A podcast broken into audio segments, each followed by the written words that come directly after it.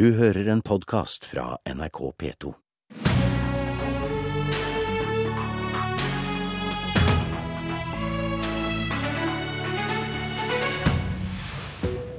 Det var i de dager at regjeringspartiene fløy høyt og alt så så blått ut. Jens drog av sted fra sin by og ned til Brussel. Så med ett, da en helt blå budsjettbaby var født, sto en hærskare av dårlige meningsmålinger framfor Høyre og Frp. Frykt ikke, sa Erna. Men folket tror kanskje at det er Jonas som er frelseren. Politisk kvarter på julaften prøver å forklare hva som har skjedd i politikken i år, og her i studio sitter tre vise kommentatorer. Kjetil Alstadheim fra Dagens Næringsliv, Marie Simonsen fra Dagbladet og NRKs Magnus Takvam. Alstadheim, det så eh, lenge ut til at dette regjeringsprosjektet hadde god oppslutning. I høst endrer det seg. Og på desembermålinga til Dagens Næringsliv ser vi at Høyre og Frp har mista en kvart million velgere. Hva skjedde egentlig? Det som skjedde, var jo at regjeringen la frem budsjett. Og det fikk de svi for. Det, det, kom de veldig dårlig ut av. De klarte seg jo veldig lenge veldig bra. Egentlig lenger enn de rød-grønne gjorde etter valget i 2005. De rød-grønne mistet flertallet like etter årsskiftet til 2006. Her holdt det til utpå ut på høsten for, for de fire samarbeidspartiene. Men eh, det var et budsjett som de eh, ikke greide å, å overbevise velgerne sine om. Og jeg tror noe av grunnen til det er eh, at formuesskatten ble et såpass stort tema. Og det hadde de ikke forberedt velgerne sine på, fordi de snakket minst mulig om formuesskatten i valgkampen. Marie Simonsen, du har skrevet at problemet til regjeringa er at den heller det den har lova. Hva mener du med det? Jeg er jo enig med Alsheim at eh, Erna Solberg mumlet ganske mye i valgkampen, så det er mulig at eh, enkelte velgere ikke fikk det med seg, men de fleste eh, hørte vel at hun sa formuesskatt innimellom, og at dette var en av de store grepene for en blå regjering. Så at man ble sjokkert eller veldig overrasket, det, det syns jeg er rart. Men grunnen til at, at, reaksjonene var såpass sterke, var jo dette at kutten i formuesskatten var det desidert største grepet i statsbudsjettet. Og i tillegg kom da disse smålige kuttene i uføretrygden, i barnetillegget i uføretrygden. Og da ble kontrasten altfor stor. Og du kan si at Eh, det ble ganske raskt eh, festet en, eh, en, overskrift som var at dette var omvendt Robin Hood-politikk. Ta fra de fattigste og gi til de rikeste. Og det var noe som fant klangbunn hos veldig mange velgere. Men så tror jeg at noe av problemet er jo at kanskje høyresiden, eller de blå, overtolket sitt mandat, det de hadde. Veldig mange av de velgerne de fikk over fra Arbeiderpartiet, var litt sånne velgere som egentlig var mest lei av det rød-grønne prosjektet. De var ikke nødvendigvis veldig opptatt av store kutt i formuesskatt. Ja, for de kunne jo sett for seg at de fikk betalt for å gjennomføre ja, skattelovnader og Erna Solberg, som vi husker, sa jo gjennom hele, hele, valgkampen at hun skulle bare endre litt. Hun skulle ikke gjøre noen store, voldsomme grep. Og det tror jeg velgerne trodde på. De ville ha nye ansikter, men ikke nødvendigvis en så dramatisk ny politikk. Og det var det de reagerte på. Magnus Takvam, eh, du mener at regjeringa har en pedagogisk utfordring. Hva er den? Eh, jeg opplever nok at eh, når eh, Erna Solberg og representanter for regjeringen forsvarer sin politikk for tiden, så er det under overskriften at de har et prosjekt som går ut på å omstille Norge til tida etter oljealderen. Og så er alle de skal vi si, kontroversielle virkemidlene som, som, dere snakker om, et ledd i nettopp det arbeidet. Og der syns jeg de har problemer med å forklare sammenhengen. Bakteppet her er jo at Erna Solberg i eh, sin tid brant seg på eh, det hun, hun så at den opprinnelige høyrepolitikken på begynnelsen av 2000-tallet med skattelette, skatt eller skole osv. Veldig mye ble nettopp en politikk der de satte virkemidlene først som et mål i seg selv, og hun ville bort fra det med, med overskriften 'mennesker og ikke milliarder'. Men nå føler jeg at de er litt tilbake i i det sporet.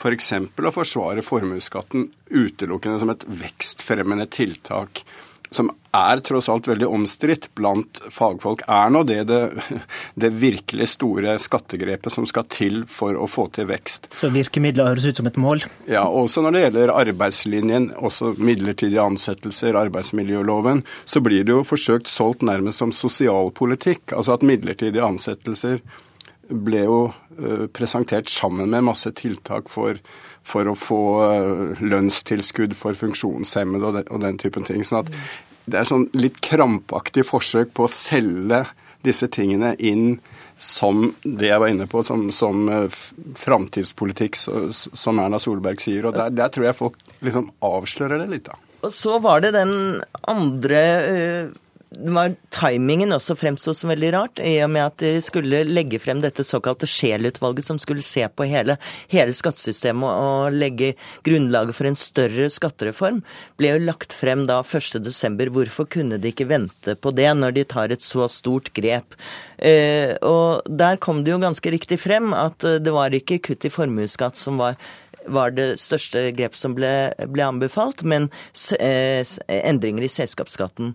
Og det var jo også noe som NHO Eh, også etter hvert støttet. Så det som var litt rart, var jo at eh, næringspolitisk så var det jo nærmest Kristin Skogen Lund og NHO som eh, var i førersetet i høst i skattedebatten, og, og, kom også med forslag til kompromisser, mens regjeringen virket litt sjakkmatt. Alstheim. Ja, eh, dette ble jo en veldig polarisert eh, debatt i høst, dette om formuesskatten og dette kuttet i, i barnetillegget for eh, uføre. Men eh, kontra, altså, eh, forskjellene er ikke nødvendigvis så store som de så ut i høst. Du skal huske at det er folk i Arbeiderpartiet som også har pekt på problematiske sider ved formuesskatten. Trond Giske er en av dem. Roar Flåten, tidligere LO-leder, har gjort det. Lisbeth Berg-Hansen har fortalt om sine erfaringer som, som eier innen lakseoppdrett. Og når det gjelder dette barnetillegget for uføre, mm. så var jo eh, Arbeiderpartiet i regjering veldig nær å i hvert fall ønske det, og SV sier at det var de som stoppet det. Eh, ut fra hensynet til arbeidslinjen. Sånn at, eh, men, men de nyansene ble jo selvfølgelig borte i, i, når dette ble et spørsmål om at regjeringen ga til de rike og tok fra de fattige. Har opposisjonen klart å gjøre smått til stort? Eh, ja, det, sånn er det jo ofte i politikken.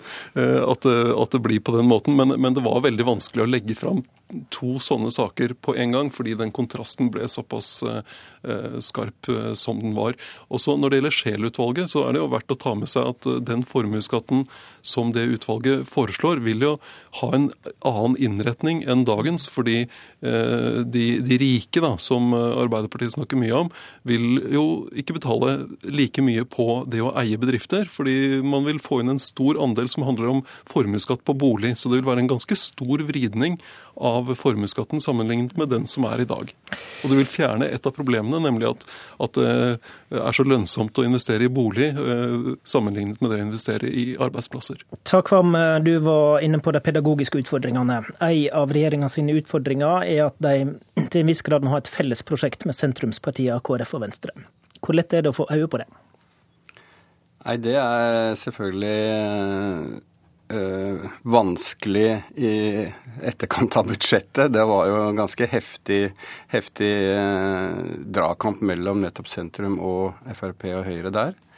Uh, og jeg tror nok det er riktig å si, eller mitt inntrykk er at forholdet mellom sentrum og Høyre og Frp er noe dårligere nå enn det var ved starten av uh, denne regjeringsperioden. Helt spesielt så tror jeg kanskje Siv Jensen, som jo er den som tross alt frontet budsjettet, har, eh, har eh, irritert eller provosert, eh, hva du vil, sentrumspartiene, kanskje særlig Venstre, som opprinnelig har en, hadde en mer skal vi si, liber, liberalistisk, for å si, sette, bruke det ordet, økonomisk politikk.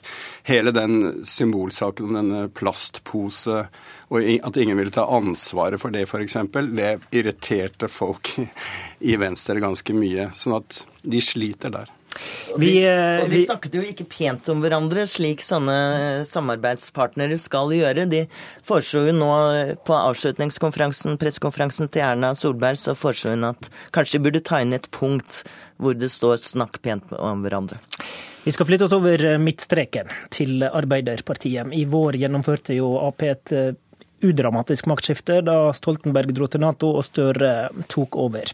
Nå i høst har Ap ligget stabilt på rundt 40% Men velgerne var jo leie av åtte år med rød-grønn politikk.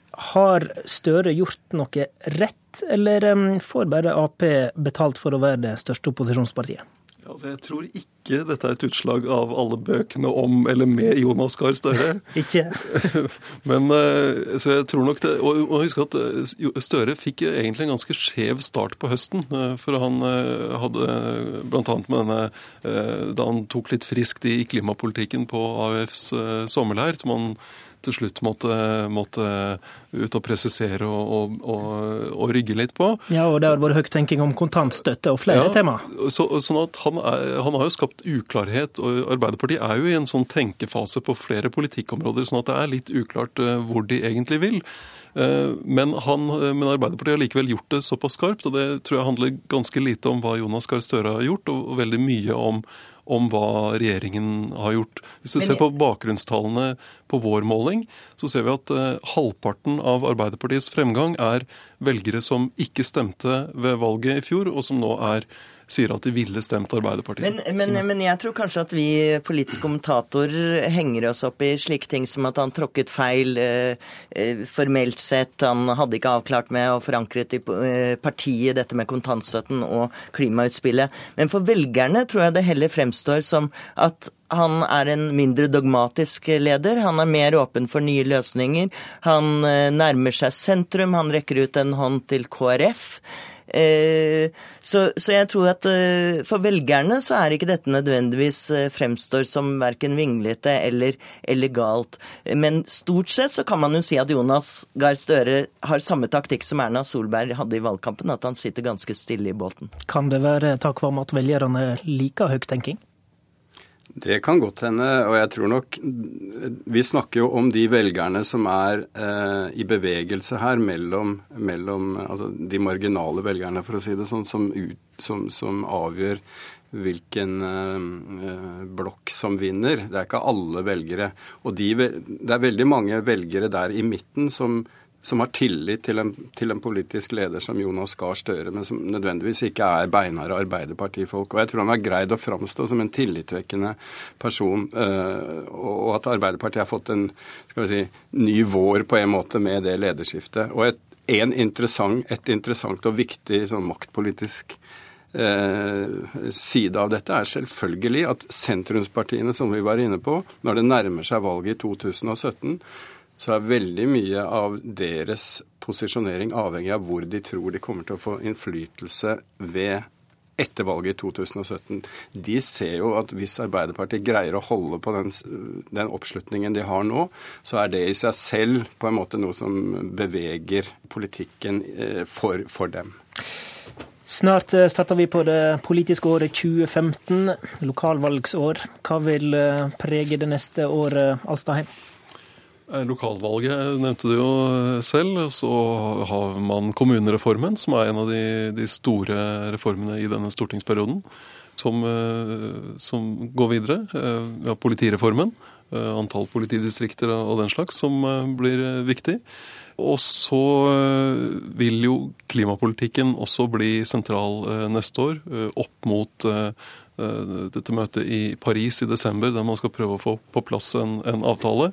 Eh, og der eh, noe av det første kommer i februar, når regjeringen skal legge frem sitt forslag til hvilke klimamål Norge skal ha i 2030. Og så er det ikke minst eh, på arbeidsmiljøsiden at, at det kommer til å ta noen harde slag, hvor jo fagbevegelsen allerede varslet at de kommer til, til og med å true ut med generalstreik. Året starter med protester. Til slutt, takk Vam.